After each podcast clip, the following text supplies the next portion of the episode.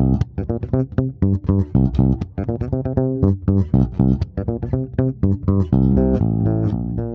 heter Sondre Risom Livre. Jeg er psykolog, og i denne podkasten skal jeg bryne meg på vanskelige problemstillinger. Jeg vil høre hva ateisten og den troende mener om livets mest sentrale spørsmål. Hvorfor er vi her? Hva er meningen med livet, og hva skjer når vi dør? Hvordan har alt blitt til, og når skjedde det? Hva er ondskap? Har vi fri vilje? Hvor går grensen mellom normal og gal, sannhet og vrangforestilling? Dette er store spørsmål til frokost.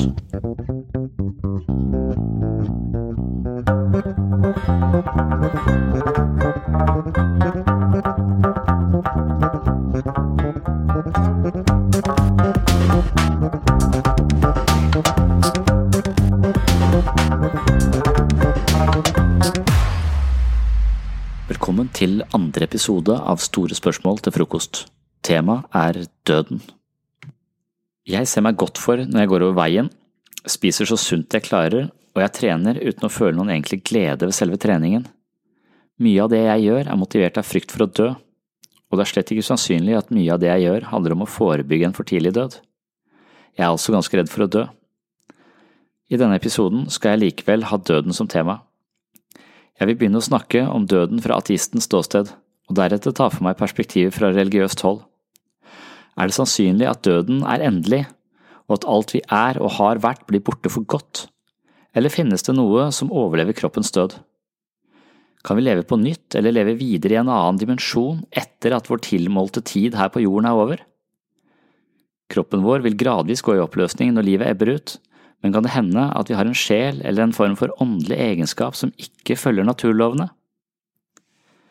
Forrige episode avsluttet med en samtale jeg hadde hatt med Espen. Han konfronterte meg i forhold til min egen tro. Jeg svarte at jeg ikke hadde noen tro, men Espen argumenterte for at de fleste ateister sverger til en form for naturalisme.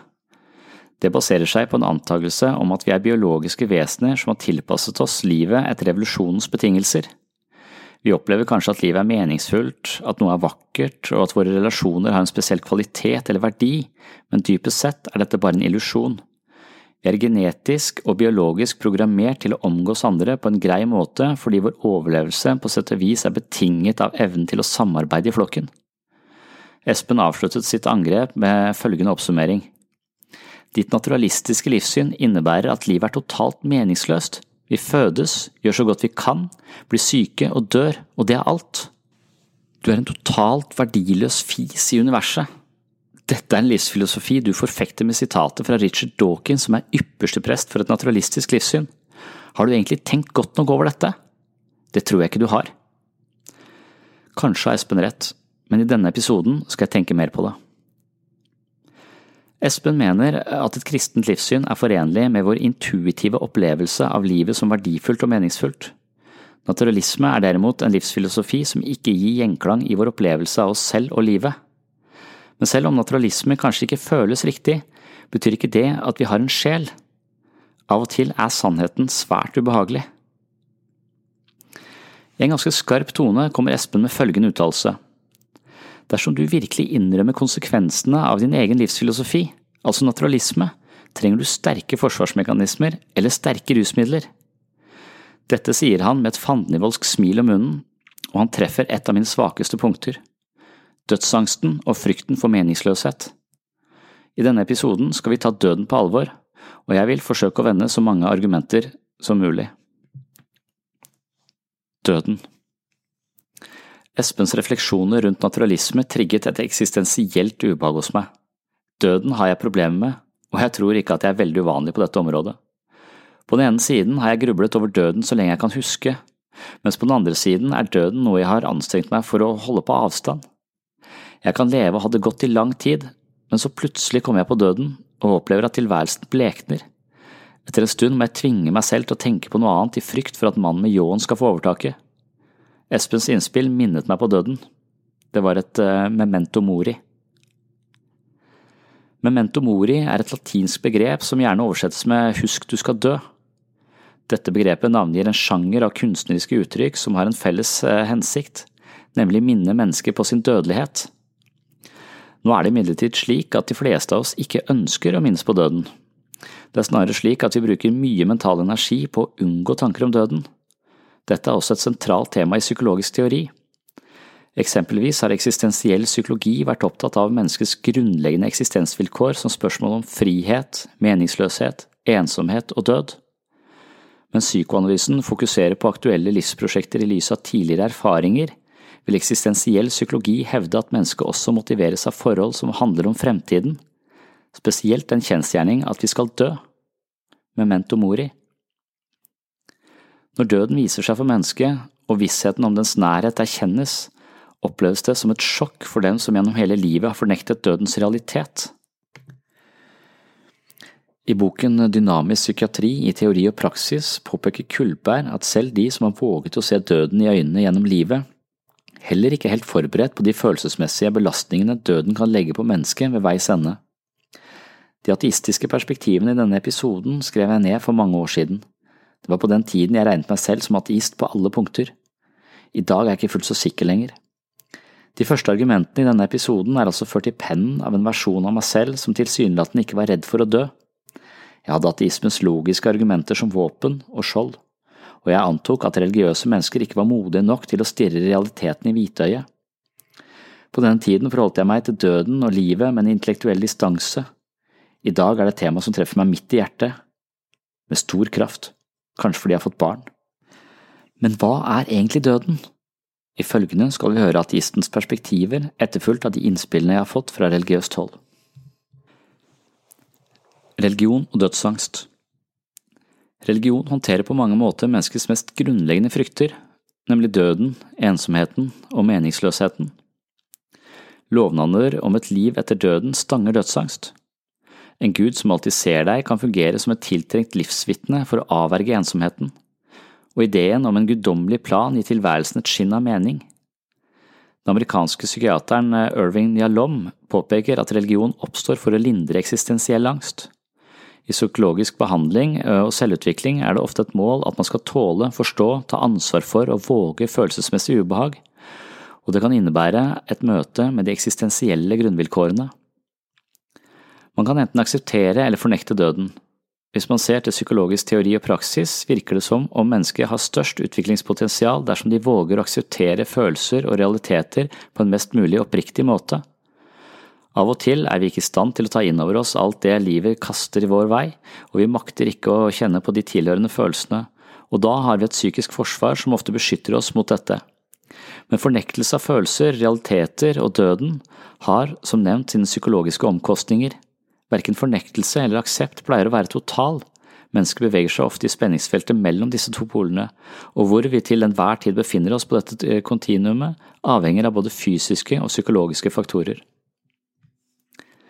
Dersom vi legger frykten for døden, meningsløshet, frihet og ensomhet i fanget på Gud, er jeg lom blant de som mener at det er en unnvikelsesmanøver vi ikke er tjent med på lengre sikt. På bakgrunn av en lignende forståelse sammenligner Freud religion med barndomsnevroser.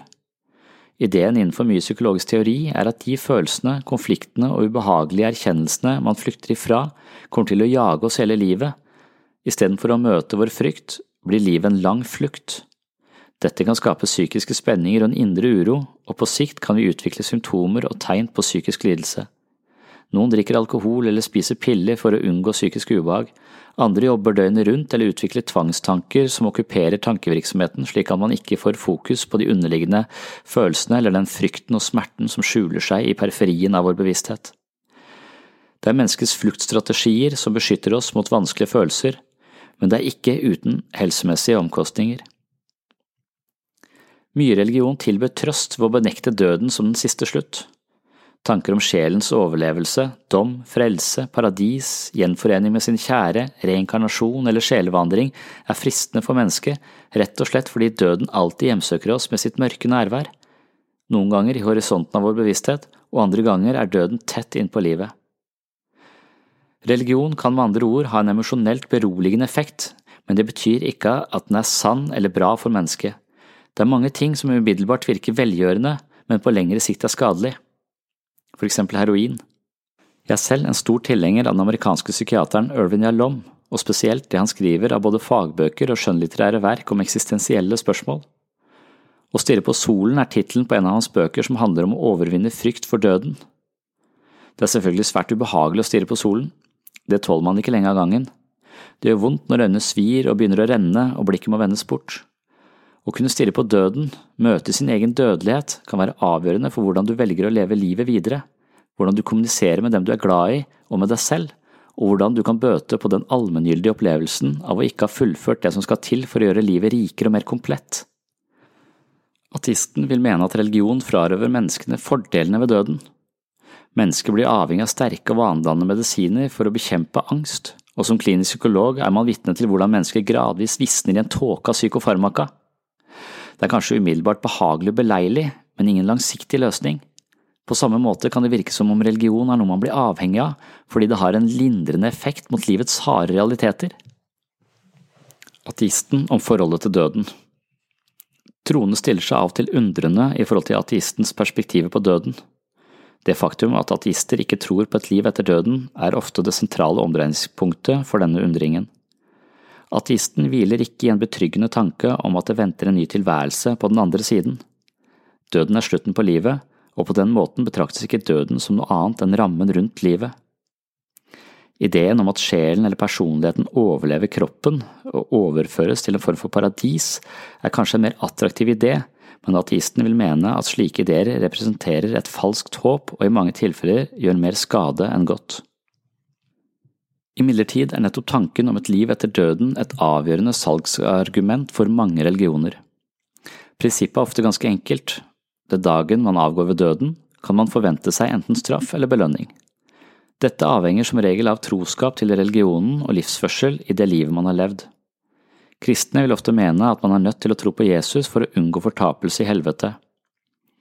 Ikke alle tror på helvete, men likevel er det en del kriterier som må oppfylles for å kvalifisere for en plass i himmelriket. Noen religioner har ikke noe konsept om et helvete, men har andre ideer som besørger et liv etter døden. Blant annet er reinkarnasjon eller sjelevandring ganske vanlig i flere religiøse systemer. Reinkarnasjon er i bunn og grunn en form for sjelevandring eller gjenfødsel. Ideen knyttes ofte til den hinduistiske doktrine om karma, som er loven om konsekvens. Forestillingene om menneskets gjentatte liv finner man især innen hinduisme og buddhisme. Jødedommen, kristendommen og islam avviser normalt reinkarnasjon. De tror snarere at hver menneskelig unnfangelse og fødsel bringer en ny menneskesjel, og at den etterdødelige tilværelsen for denne eh, sjelen er evig og foregår i en form for paradis, eventuelt et helvete dersom man eh, ikke lever opp til kravene. Det finnes også flere andre verdensanskuelser som aksepterer reinkarnasjon. Blant annet rosenkreuzerne, antroposofer og mange brasilianske retninger beskjeftiger seg med ideer om gjenfødsel. Innen islam finnes sufi-grupper som tror på reinkarnasjon, og det samme gjelder en del religioner som er beslektet med islam, herunder druserne og alevittene. Poenget er uansett at døden ikke er enden på visa, og det er, om ikke annet, en svært tiltalende tanke for mange mennesker. Uansett hvor råttent og vanskelig livet kan være, uansett hvor tragisk situasjonen har blitt, er det fortsatt håp dersom man holder ut til det bitter end og er trofast til de kravene som stilles. Problemet for ateisten er at de opplever at denne straff- og belønningspolitikken i forhold til gjenfødsel eller livet på den andre siden representerer et falskt håp. De vil mene at uansett hvor attraktiv og tiltalende løgn kan være, er sannheten bedre. Ateister ser på historier om himmel og helvete som eventyraktige fortellinger som egner seg godt for barn. I noen sammenhenger kan det være etisk riktig å lyve for barn, man kan si at bestemor har reist opp til englene, eller at familiens hund har flyttet opp til Jesus, hvor han har det bra. Men å fremholde en slik løgn overfor voksne vil ateisten mene er uetisk og beheftet med store livspolitiske omkostninger. Og når en religion fronter et falskt håp som sitt grunnleggende argument, kaster en slags mørk skygge over alle de positive elementene som også ligger innbakt i mange religiøse systemer. For ateisten blir alle de gode gjerningene som utføres i religionens navn, tilsløret fordi den bakenforliggende motivasjonen virker suspekt. Gjør du dette fordi du bryr deg om meg, eller er du mest opptatt av å score nok poeng for å kvalifisere for en plass i himmelriket? Ateisten er ikke redd for å dø. Av og til kan det se ut som om døden fremstår som både mystisk og skremmende for mange troende, men fra et ateistisk synspunkt er ikke nødvendigvis døden så farlig. Det er på dette punktet jeg er en dårlig ateist. Vanligvis vil ateisten mene at det å løsrive seg fra myten om udødelige sjeler og livet etter døden fører til at man i mye større grad er i stand til å se døden for hva den er – opphør av liv. Som nevnt vil ateisten forstå døden som rammen rundt livet. I et slikt perspektiv er døden med på å gi livet mening og verdi. De som har stirret døden i hvitøyet, har ofte en annen evne til å sette pris på livets små og store øyeblikk dersom de får en ny sjanse. Per Fugli er en kjent medisiner og samfunnskritiker som blant annet skriver om det han kaller lyspunkter ved døden i boken Døden skal vi danse. Dette er en bok som utforsker dødens vesen, og den er skrevet av Fugli i en tid hvor nettopp døden banker på hans egen dør. Fugli sier selv at han ikke er religiøs i den forstand at han eh, tror på sjelevandring eller himmel og helvete, men han legger til at han misunner de som hviler i en slik betryggende forestilling. Jeg har både lest og hørt Fugli prate om døden, og det gjorde et formidabelt inntrykk. Han evner å bringe dette fryktede tabu inn i livet på en måte som ikke eskalerer angst, men skaper livsbevissthet. Han gir ingen lette utveier, han peker ikke mot et liv etter døden, men peker på hvor viktig døden er for livet her og nå. Døden skal vi danse gjør døden viktig for livet på en finurlig og klok måte. Jalom peker også på at konfrontasjoner med døden ofte skaper dramatiske perspektivforandringer, både for den som er døden nær og de pårørende. Av og til er det ved livets ytterpunkter at vi klarer å skape viktige forandringer eller vinne nye åpenbaringer. Å lære å leve riktig er å lære å dø på en god måte. Å lære å dø på en god måte er å lære å leve riktig.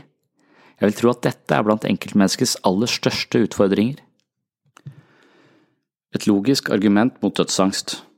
Livet begynner og livet slutter. Det kan kalles en livslinje. Hver og en av oss begynte livet på et bestemt tidspunkt, og det kaller vi gjerne for fødsel. Biologisk sett er ikke livets begynnelse så definert, men av praktiske årsaker må vi trekke opp noen linjer og plassere ut noen markører. Vi begynner altså livet ved fødsel. Før vi var i live, var det ikke noe vi å snakke om. Dette er ikke spesielt kontroversielt, og det er sjelden vi plages av tanken på at det fantes en tid hvor vi ikke eksisterte. Det påfølgende spørsmålet er så hvorfor vi er så bekymra for den andre enden av livslinja. Er ikke døden simpelthen å vende tilbake til en tilstand av ikke meg, slik det var før jeg ble født? I ovenstående resonnement møter vi døden med logikk. Det er en simpel og logisk vurdering av ikke-eksistens, men logiske resonnementer tilfredsstiller sjelden våre følelsesmessige behov. Å presisere at tiden før og etter livet kan være av samme kaliber, gir oss kanskje ingen psykologisk støtte. Når vi prøver å tenke på vår egen død, er det få som makter å virkelig ta inn over seg at livet kommer til å ta slutt. Likevel finnes det kanskje en måte å bygge bro over dette gapet mellom liv og død. Innenfor psykologi er det noe som heter eksponeringsterapi. Det handler om at vi må våge å utfordre vår frykt. I forhold til døden innebærer dette å se døden for hva den egentlig er. Personlige erfaringer med et fenomen skaper trygghet. Myten om livet etter døden kan utfordres på bakgrunn av det vi allerede har kjennskap til. Våre egne opplevelser er kanskje det eneste som kan være sterkere enn de historiene mennesker forteller for å fange oss i sine åndelige og filosofiske systemer. La oss se på tre typer død vi allerede kjenner fra vårt eget liv. Tre dødsfall vi allerede kjenner til. Til en viss grad kan vi kanskje skjerme våre barn fra døden som fenomen, men vi kan neppe nå voksen alder uten å se døden på nært hold. Enten det er en venn, et familiemedlem, et kjæledyr eller et påkjørt dyr i veien, har de fleste av oss førstehånds erfaring med hvordan døden ser ut. Og døden er alltid lik seg selv. Livløs, ikke-fungerende, død. Vi er sjelden bekymret for hva som skjedde med livskraften til det treet vi brenner på peisen.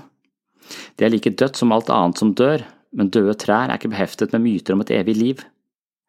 Det faktum at det kjøttet vi spiser til middag er drepte dyr, affiserer de fleste av oss i veldig liten grad. Vi klarer også å ignorere andre menneskers død når det foregår på avstand. Krig, sult og naturkatastrofer foregår hele tiden, men så lenge de ikke truer vårt eget liv eller våre nærmeste, klarer vi å beholde en følelsesmessig distanse til dette. Spørsmålet er hvorfor dødsfall hos våre kjære belaster oss med så mye smerte. Svaret er selvfølgelig enkelt. Det handler om følelser. Sorg er en kraftfull følelse som kan ramme oss både psykologisk og fysisk. De som har følt sorgens knusende tyngde, er ikke i tvil om at denne følelsen kan være overveldende. Vi er sosiale vesener. Vi er empatiske. Vi føler smerte og sorg ved andres bortgang. På bakgrunn av dette er det beleilig å ha en teori om et liv etter døden. Den typen religiøs metafysikk virker kanskje beroligende. Det stopper ikke nødvendigvis sorgen, men det kan gi den sørgende håp om gjenforening med den døde i himmelriket. Det forutsetter selvfølgelig at den avdøde har kvalifisert for paradis og ikke brenner innerst. Dersom vi tenker etter, er døden, som et opphør av samarbeidende celler, et helt vanlig fenomen som vi alle kjenner til. Vi har ikke så inngående erfaring med det at vi virkelig kjenner vår egen død, men teknisk sett har vi dødd mange ganger. De fleste av oss har noen bilder av oss selv fra vi var små. Når vi ser på disse bildene, er det dypest sett en død person vi betrakter. Barn på bildet eksisterer ikke lenger. De følelsene, tankene, behovene som barn på bildet en gang hadde, er på mange måter borte. Barnet ble erstattet av et litt større barn, og deretter et enda større barn, helt til du blir den personen du er i dag. Dette er på mange måter en veldig underlig tanke. Tidligere versjoner av meg selv eksisterer ikke lenger. Alle de cellene som i dag utgjør min kropp, er noen andre enn de cellene som utgjør barnet på bildet. Min størrelse, mine tanker og holdninger er forandret. Jeg er forandret. Det er kanskje en viss likhet mellom det jeg ser på bildet og den jeg er i dag, men denne likheten er ikke større enn den likheten som foreligger mellom meg og min datter. Dette er en type død som foregår så langsomt at vi ikke legger merke til det. Det er en død som foregår hele tiden. Jeg er ikke lenger den eksakt samme personen som jeg var i fjor eller i forrige uke. Hver tidligere meg har dødd, stille og uten forvarsel ble det borte, det forsvant og ble til ingenting. For de fleste av oss er ikke dette noe vi opplever som særlig trist, men dersom det virkelig går opp for oss, kan også denne typen død fremkalle triste følelser. Dersom man har små barn i barnehage, er det vanlig at de kommer hjem med en julegave som består av et dikt og barnets håndavtrykk. Diktet er skrevet av Inger Hagerup, og diktet er både trist og rørende nettopp fordi det synliggjør den stilltiende døden jeg forsøker å beskrive. Diktet går som følger. Her er mitt lille avtrykk, så du kan huske og forstå hvor søte hender jeg hadde den gangen de var små. Det hender du blir lei deg fordi jeg er så liten, jeg setter merker alle steder og gjør deg ganske sliten. Men hver dag blir jeg større, ja, en dag blir jeg stor, og alle mine avtrykk blir bare svake spor. Det lille barnet vi elsket og beundret, vil gradvis forsvinne. Kan hende at dette heller ikke er noe overbevisende argument for at døden er en del av livet, men hva med det dødsfallet vi opplever hver kveld? Når du befinner deg i dyp, drømmeløs søvn, beholder du ingen minner eller selvbevissthet. Du kan ikke handle eller reagere, og tiden opphører å eksistere. For alt vi vet, opphører vi å eksistere i den dypeste søvnen. Når det kommer til vår egen eh, selvfølelse og selvbevissthet, dør vi altså hver eneste natt, og hvordan føles det? Det føles som ingenting, det føles ikke, det er som døden. Du kan med rette påpeke at søvn ikke er det samme som død, men la oss si at du faktisk døde mens du var i en tilstand av dyp, drømmeløs søvn. Det eneste som ville skje, var at du forble i en tilstand av ikke-eksistens for alltid. Hypnofobi er betegnelsen på frykt for søvn eller frykt for å sovne. Hypnofobi forekommer først og fremst i visse perioder i barneårene, da barna er opptatt av tanker om døden. Her kan man kanskje si at barnet fornemmer likheten mellom søvn og død, og hypnofobi skriver seg fra frykten for ikke våkne igjen. Alternativt er man redd for å dø mens man sover. Selv om hypnofobi er et fenomen som eksisterer, er mer generell bekymring for døden et langt vanligere fenomen. Stort sett blir vi vant til å dø når vi sover. Vi venner oss til å miste all form for selvbevissthet noen timer hver natt, og de fleste av oss blir ikke videre stresset av dette. Hva så om vi forholdt oss til døden på samme måte som vi forholder oss til dyp søvn? Ville ikke det vært mye bedre? Hadde vi ikke vært bedre tjent med en forståelse av døden som et naturlig måte å forlate livets bekymringer på? Akkurat slik vi forlater livets uroligheter i det, vi beveger oss fra drøm til drømmeløst ingenting hver natt. Døden som en dyp og drømmeløs søvn, ingen himmel, intet helvete, no nothing at all.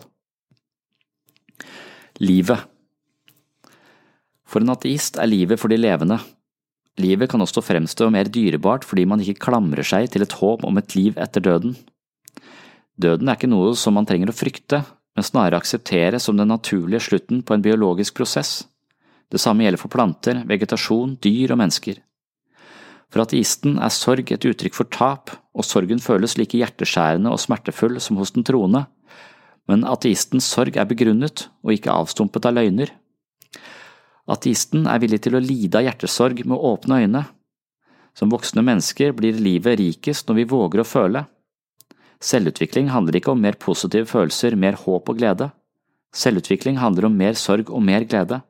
Det handler om å våge å føle, og det handler om evnen til å håndtere de følelsene som nettopp gir livet sine farge og mening. Er ikke livet mer verdifullt når eh, det får lov til å stå alene, istedenfor å være et slags eh, kvalifiserende vorspiel i forkant av en mystisk evighet? Livet etter døden Første gang jeg møtte opp på alfakurs i Frikirken, hadde jeg ateistens perspektiver på døden med meg. Jeg hadde et logisk og rasjonelt forhold til døden, men det var noe febrilsk over mine argumenter. Fornuften fortalte meg at døden var en naturlig del av livet, og det var ingen grunn til å frykte døden, men følelsene mine sa noe annet. Selv om jeg var intellektuelt skråsikker, var jeg følelsesmessig usikker. Døden er et tema jeg har diskutert med mennesker fra mange forskjellige trossamfunn. Alle har noen mer eller mindre eksplisitte tanker om hva som skjer ved veis ende. Mens jeg syntes at teoriene om livet etter døden var lite troverdige, syntes troende mennesker at mine holdninger var tilsvarende absurde. Flere ganger har folk sitert Stephen Turner for meg i denne sammenhengen. Han er en amerikansk forfatter og poet som blant annet har skrevet uh, diktet The Creed, hvor ateistens holdninger til døden settes på spissen. We believe that after death comes to nothing, because when you ask the dead what happens, they say nothing. Turners strofer er parodiske, men de reflekterer den troendes syn på ateisten. Når ateisten påstår at det ikke finnes noen liv etter døden, har de store visdomstradisjonene mange argumenter som kanskje slår beina under ateisme. Kropp og sjel I de religiøse visdomstradisjonene antar man at det finnes en sjel eller et sinn som er av en annen natur enn vår fysiske kropp. Det finnes noen ikke-biologiske aspekter ved mennesket, og hva skjer med disse aspektene når den biologiske delen slutter å fungere, er uvisst. Her nærmer vi oss et av menneskets vanskeligste spørsmål. Hva er bevissthet? Hva er sjel? Hva er ånd? Den menneskelige bevissthet er på mange måter vitenskapens største enigma. Den menneskelige syke er så komplisert og uransakelig at noen mener vi må vende oss mot religion for å begripe vår menneskelige eksistens. Her antar man altså at mennesket har en sjel, en åndelig instans som skiller seg fra resten av naturens orden. Det er ved den menneskelige bevissthet at vitenskapen står ansikt til ansikt med religion. Det mystiske møtet mellom kropp og sjel er et høyaktuelt dilemma innenfor bevissthetsfilosofi, og det gjør dette feltet både interessant og vanskelig. Hjernen er et fysisk organ med en bestemt lokalisering, men hjernens unike innhold er noe som kommer fra miljøet og fester seg på materien. Vi havner i det vanskelige krysningspunktet mellom det fysiske og det metafysiske. Tanken kan påvirke hjernen, og hjernens nedarvede biologi og nevrokjemi kan påvirke tanken. Hvordan henger dette sammen? Descartes gjør kort prosess og kaller det metafysiske for sjel, og delegerer ansvaret for sjelen til religion. Kroppens materielle kvaliteter overlater han til naturvitenskapen. Tilsvarende denne dualismen har vi en doktor for legeme og en psykolog eller en prest for henholdsvis psyken og sjelen.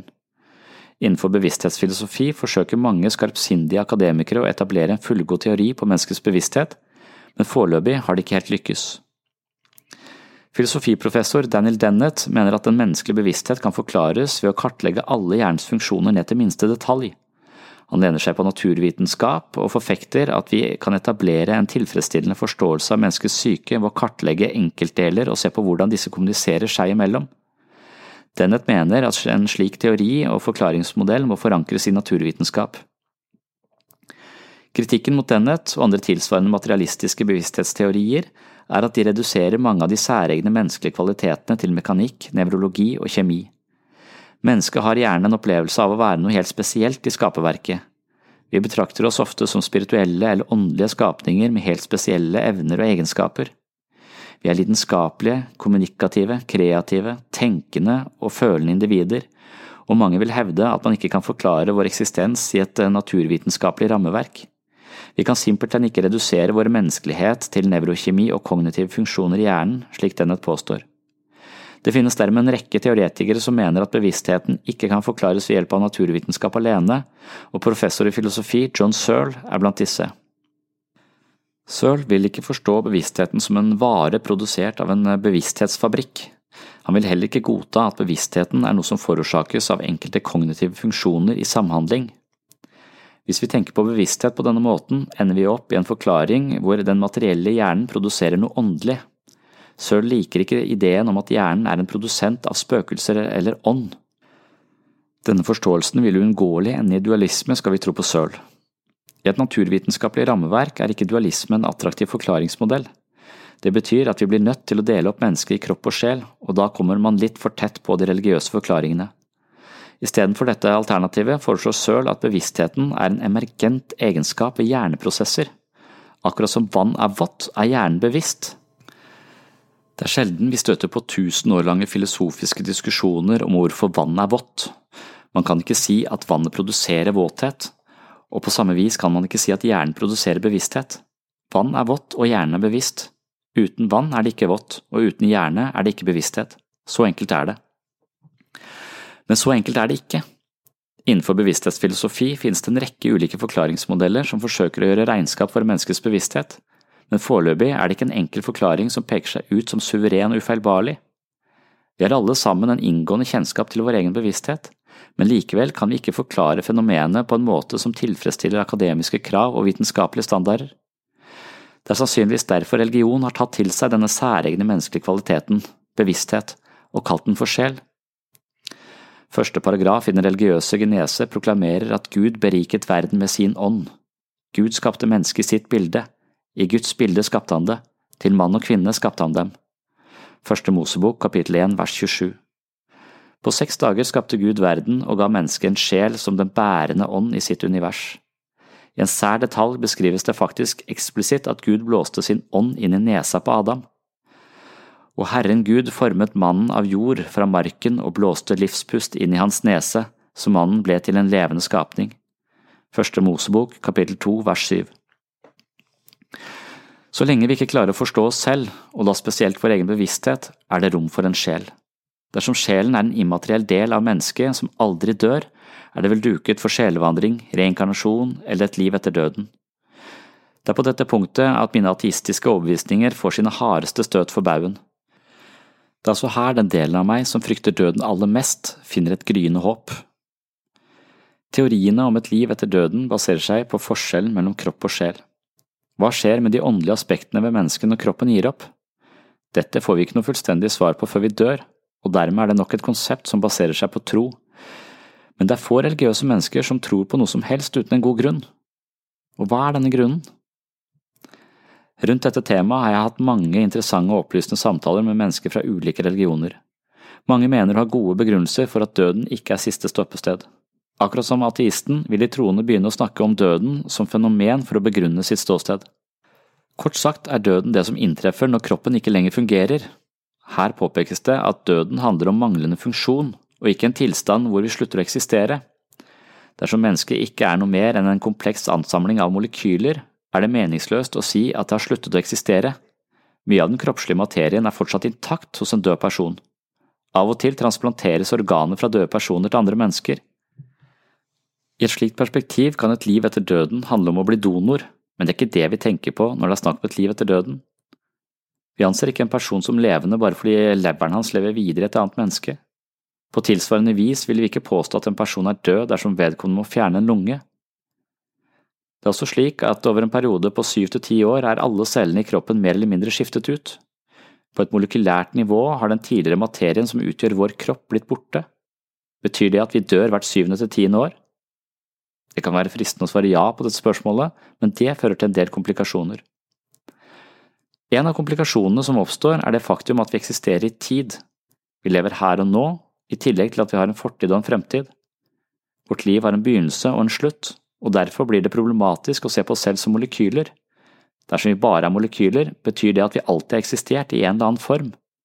På et subatomisk nivå består kroppen vår av partikler som har eksistert siden tidenes morgen. Ok, så har jeg vel alltid eksistert, da. Det er vel ikke noe galt med det. Da jeg hørte dette perspektivet for første gang, syntes jeg det var fascinerende og merkverdig. Det følges gjerne opp med flere eksempler som tydeliggjør implikasjonene ved denne måten å tenke på. La oss si at jeg har en klump med leire, og denne klumpen bearbeider jeg slik at den blir til en kaffekopp. Nå har jeg en kaffekopp laget av leire, og denne kaffekoppen eksisterer foran meg på bordet. Men la oss si at jeg bestemmer meg for å gjøre kaffekoppen om til en statue. Ved hjelp av noen kunstneriske grep har jeg laget en skulptur, og spørsmålet er nå om kaffekoppen fortsatt eksisterer. Dersom vi påstår at kaffekoppen er leiren, må vi si at koppen fortsatt eksisterer fordi leiren gjør det. Dersom noen spør hvor eh, koppen er, må vi peke på skulpturen som åpenbart ikke er en kaffekopp. Så lenge skulpturen ikke er en kaffekopp, vil koppen jeg refererer til, som eksisterte for et øyeblikk siden, slutte å eksistere. Er den død? Tja. Ved nærmere ettertanke blir det vel ulogisk å tenke på vår egen eksistens på denne måten. Det jeg kaller meg, er også en ansamling av atomer. Jeg er en ansamling av atomer som hele tiden erstattes av nye atomer. I hvert tilfelle har atomene alltid eksistert, og de vil fortsette å eksistere etter at de forlater min kropp. I den forstand har jeg alltid eksistert. Samtidig er det som er meg, noe som hele tiden forandrer seg fordi jeg er sammensatt av forskjellige atomer.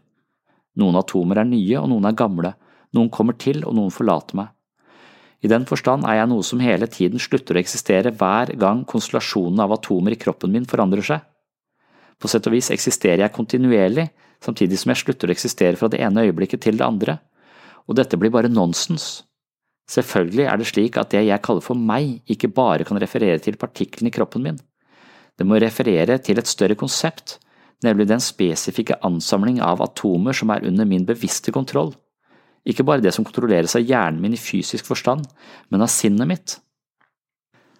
Og nå er jeg fristet til å spørre hva dette har med døden å gjøre, og ikke minst hva det kan bety for mulighetene for et liv etter døden.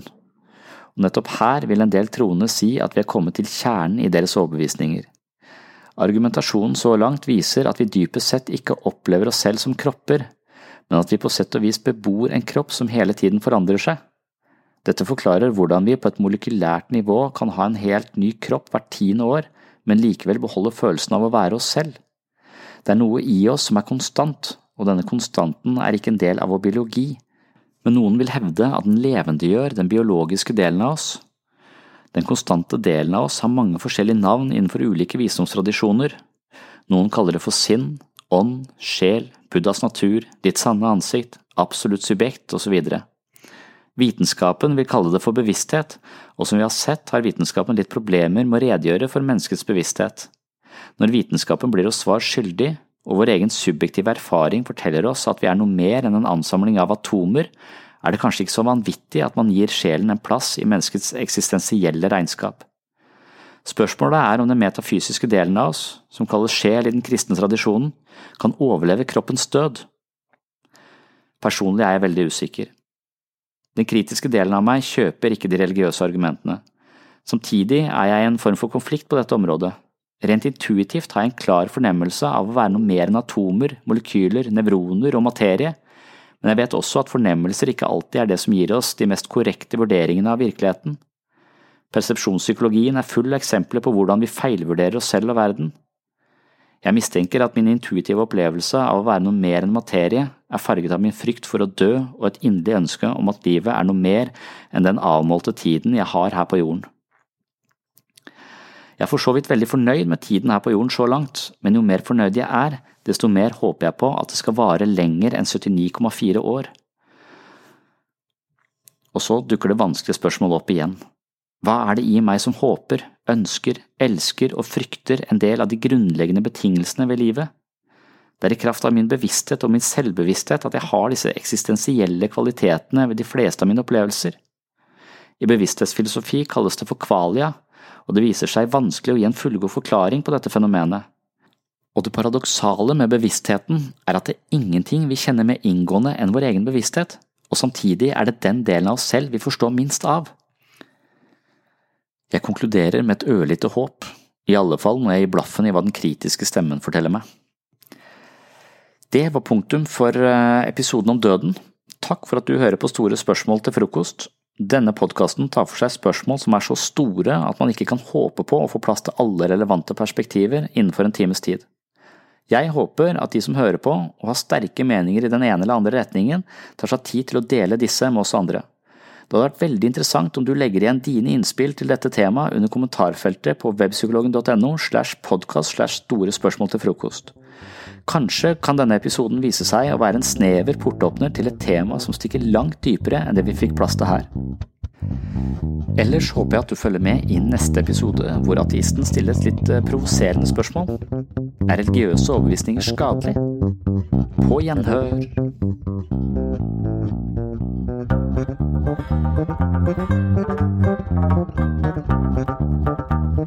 you.